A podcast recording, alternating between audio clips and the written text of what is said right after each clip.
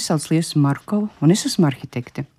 Pagājušajā reizē mēs runājām par lielo nelaimi, kas notika operas ēkā, bijušajā Vācu teātrī. Tātad lielais ugunsgrēks 1882. gadā. Bet vai jūs zināt, ka ugunsgrēks tika arī aprakstīts tā laika presē? Jūs varētu paklausīties, kā Rīgas Caitungs 58. numurā aprakstīja šo notikumu. 1882. gada 14. jūnijā, apmēram ceturksni pirms 12 dienā, pilsētas zvani vēstīja par ugunsgrēku Rīgā. Jau pirms tam no teātra ēkas jumta sākumā vārgi un pēc tam ar vien spēcīgāk augšupējošie dūmi piesaistīja garām gājēju uzmanību. Īsā laika sprīdī dūmiem sekoja arī uguns, un ziņa par degošo teātri sapulcināja cilvēku pūli kas novēroja varenas liesmas, kuras izlaužās no ēkas jumta, lodāja šurpu, turpu un dažās minūtēs aptvēra visu jumta konstrukciju. Uguns izplatījās ar tādu ātrumu un spēku, ka ugunsdzēsēji ierašanās brīdī vairs nebija nekādu cerību glābt pašu ēku. Diemžēl arī cilvēks kļuva par katastrofas upuri. 18-gadīgā teātra palīgstrādnieka Ludviga Kastroska pārogļojies līķis, vēlāk tika atrasts trešā balkona koridorī. Ugunsgrēka sākumā teātrī strādājošajam personālam, izņemot Kastroski, izdevās izglābties no uguns straujās izplatīšanās. Teātra personāls ar ugunsdzēsēju un publikas palīdzību spēja iznest no iznīcinošo liesmu pārņemtās celtnes salīdzinoši daudz teātra inventāra. Biblioteka, arhīvu, daļa dekorāciju un rekvizītu tika izglābti. Turpretīm sadega visi tērpi, kas netika uzglabāti noliktavā, tās mitro mūru dēļ. Pašsaprotami, ka daudzas no degošā nama iznestās mantas bija sabojātas. Diemžēl daļa no tām arī pazuda. Personas, kas uzturējās teātrī, ugunsgrēka izcelšanās brīdi pamanīja atšķirīgi. Uz skatuves notika mēģinājums joku lugai gaisa pilis. Mēģinājums sākās īsi pēc 11. no rīta.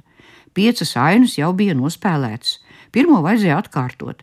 Johana Bēras kundze sāka šo ainu dziedādām, uznākot uz skatuves. Pārbījusies, viņa ievēroja virs skatītāju zāles stikla plafona neparastu spilgtu gaismu. No sākuma visi mēģināja sevi mierināt ar pieņēmumu, ka tiek izmēģināts apgaismošanas iekārts, taču jau pēc dažām sekundēm, kad gaisma kļuva ar vienu varenāka un sāka plaiksnīt, aktieris Tomas iesaucās: Nē, deg! Un visas uz skatuves sapulcējušās personas metās katru savu pusi. Ūdens spiediens izrādījās, kā tas karstās dienās mēdz būt, nepietiekami spēcīgs. Strūkli izplatījās tikai septiņu soļu attālumā. Ir skaidrs, ka teātris ugunsgrēku nav izraisījis gāzes noplūdi plafonā.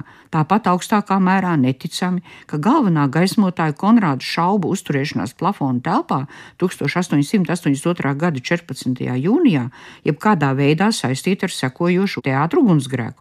Tāpat ir neticami, ka kādas citas personas nolaidība izraisīs degšanu. Visā ziņā iespējams, ka notikusi ļaunprātīga dedzināšana. Tomēr veids, kādā notika aizdegšanās, nav objektīvi konstatējums, un attiecībā uz personu, kas nolaidības dēļ vai ļaunprātīgu ugunsgrēku būtu varējusi izraisīt, izmeklēšana nav guvusi pietiekams pierādījums, lai kļūtu iespējams ierosināt atsevišķu kriminālu lietu. Tālūk, noslēpums palicis par noslēpumu joprojām. Tātad arī tā laika prese un izmeklētāji nespēja noskaidrot, kā tad gal galā ugunsgrēks ir izcēlies. Bet, nu, pēc ugunsgrēka, protams, operu vajadzēja atjaunot šodienas operas teātri, bijušo vācu teātri. Un pēc ugunsgrēka Vācu teātra atjaunošana sākās jau 1885. gadā. Arhitekts Ludvigs Bonštets arī piedāvāja savu variantu, bet tas tomēr rīzniekiem likās par radikālu un dārgu tāpēc atjaunošanas darbu turpināja arhitekts Šmēlings, kura piedāvātais variants bija pieticīgais. Ārpuse ēkai netika mainīta, toties paredzēja pēc viņa projekta, ka jāceļ ir elektrostacija, kurai vajadzētu nodrošināt teātra ēku ar elektrību. Ēkas arī arhitektūra tika saglabāta bez izmaiņām. Būtiskāk mainījās iekštelpa. Skatītāja zāle kļuva augstāka, jauno griestu plafonu sadalīt radiālās sekcijās aizpildīja neorenesanses ornamentiem, glaznotām kompozīcijām ar maskām un vāzēm bet visu gleznoto plafonu kompozīciju ierāmēja plastiska lauru vītne. Centrā pakāra liela izmēra daudzžuburu lustra ar elektriskajām spuldzēm. Šodien mēs redzam pēc ugunsgrēka atjaunoto interjeru. Nu, arī ļoti skaists, protams, bet plafons kāds izskatījās, to mēs varam tikai minēt, paskatoties uz augšu. Bet šodien mēs redzam lielo milzīgo lustru. Bet vai jūs zinājāt, ka par godu pilsētas teātra atklāšanai uzrakstīts ir arī dzējolis? Dzējoli no vācu valodas ir atzījis Valds Bisenieks. Nu atkal stāvi Rīgas lepnā rota, par upuri, kas kriti stihijai, kad uguns nežēlīgi iekārota, tu tiki pakļauta tās rotaļai, kā sirdi mums šī bēdu ziņa spieda. Mēs it kā sastingām no baisa bieda, to templi, kurš mums ideālus sargā, kas vienīgie spēj dzīvē jēgu dot, nu grāva uguns plosīšanās bargā, to liesmu mēlēm kāri aprijot.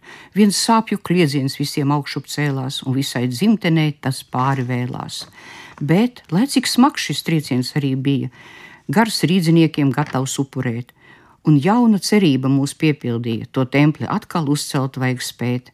Bez mitas čakli strādā pilsoņu rokas, un darbs pie jaunās celtnes naigi sokas. Un lūk, Tā diena beidzot pienākusi. Stāv templis atkal pilnā krāšņumā, kam sirds gan nebūs līksmāk pukstējusi, kad lūkojies viņš šajā jaukumā. Tas bija kā bērnībā, kad svētlaimē skats vērās Ziemassvētku eglītē. Nu, ziedi, plauksti, dievu labestība, no nelaimēm, lai tevi pasargā, lai gaiša vēršas tava nākamība, mirdz dienas staru gaismā dienišķā nes vēsti pēctečiem caur mākslas priekiem par ziedot gatavajiem rīdziniekiem. Tālūk, šodien mēs ejam uz atzimušo skaisto operas teātra namu.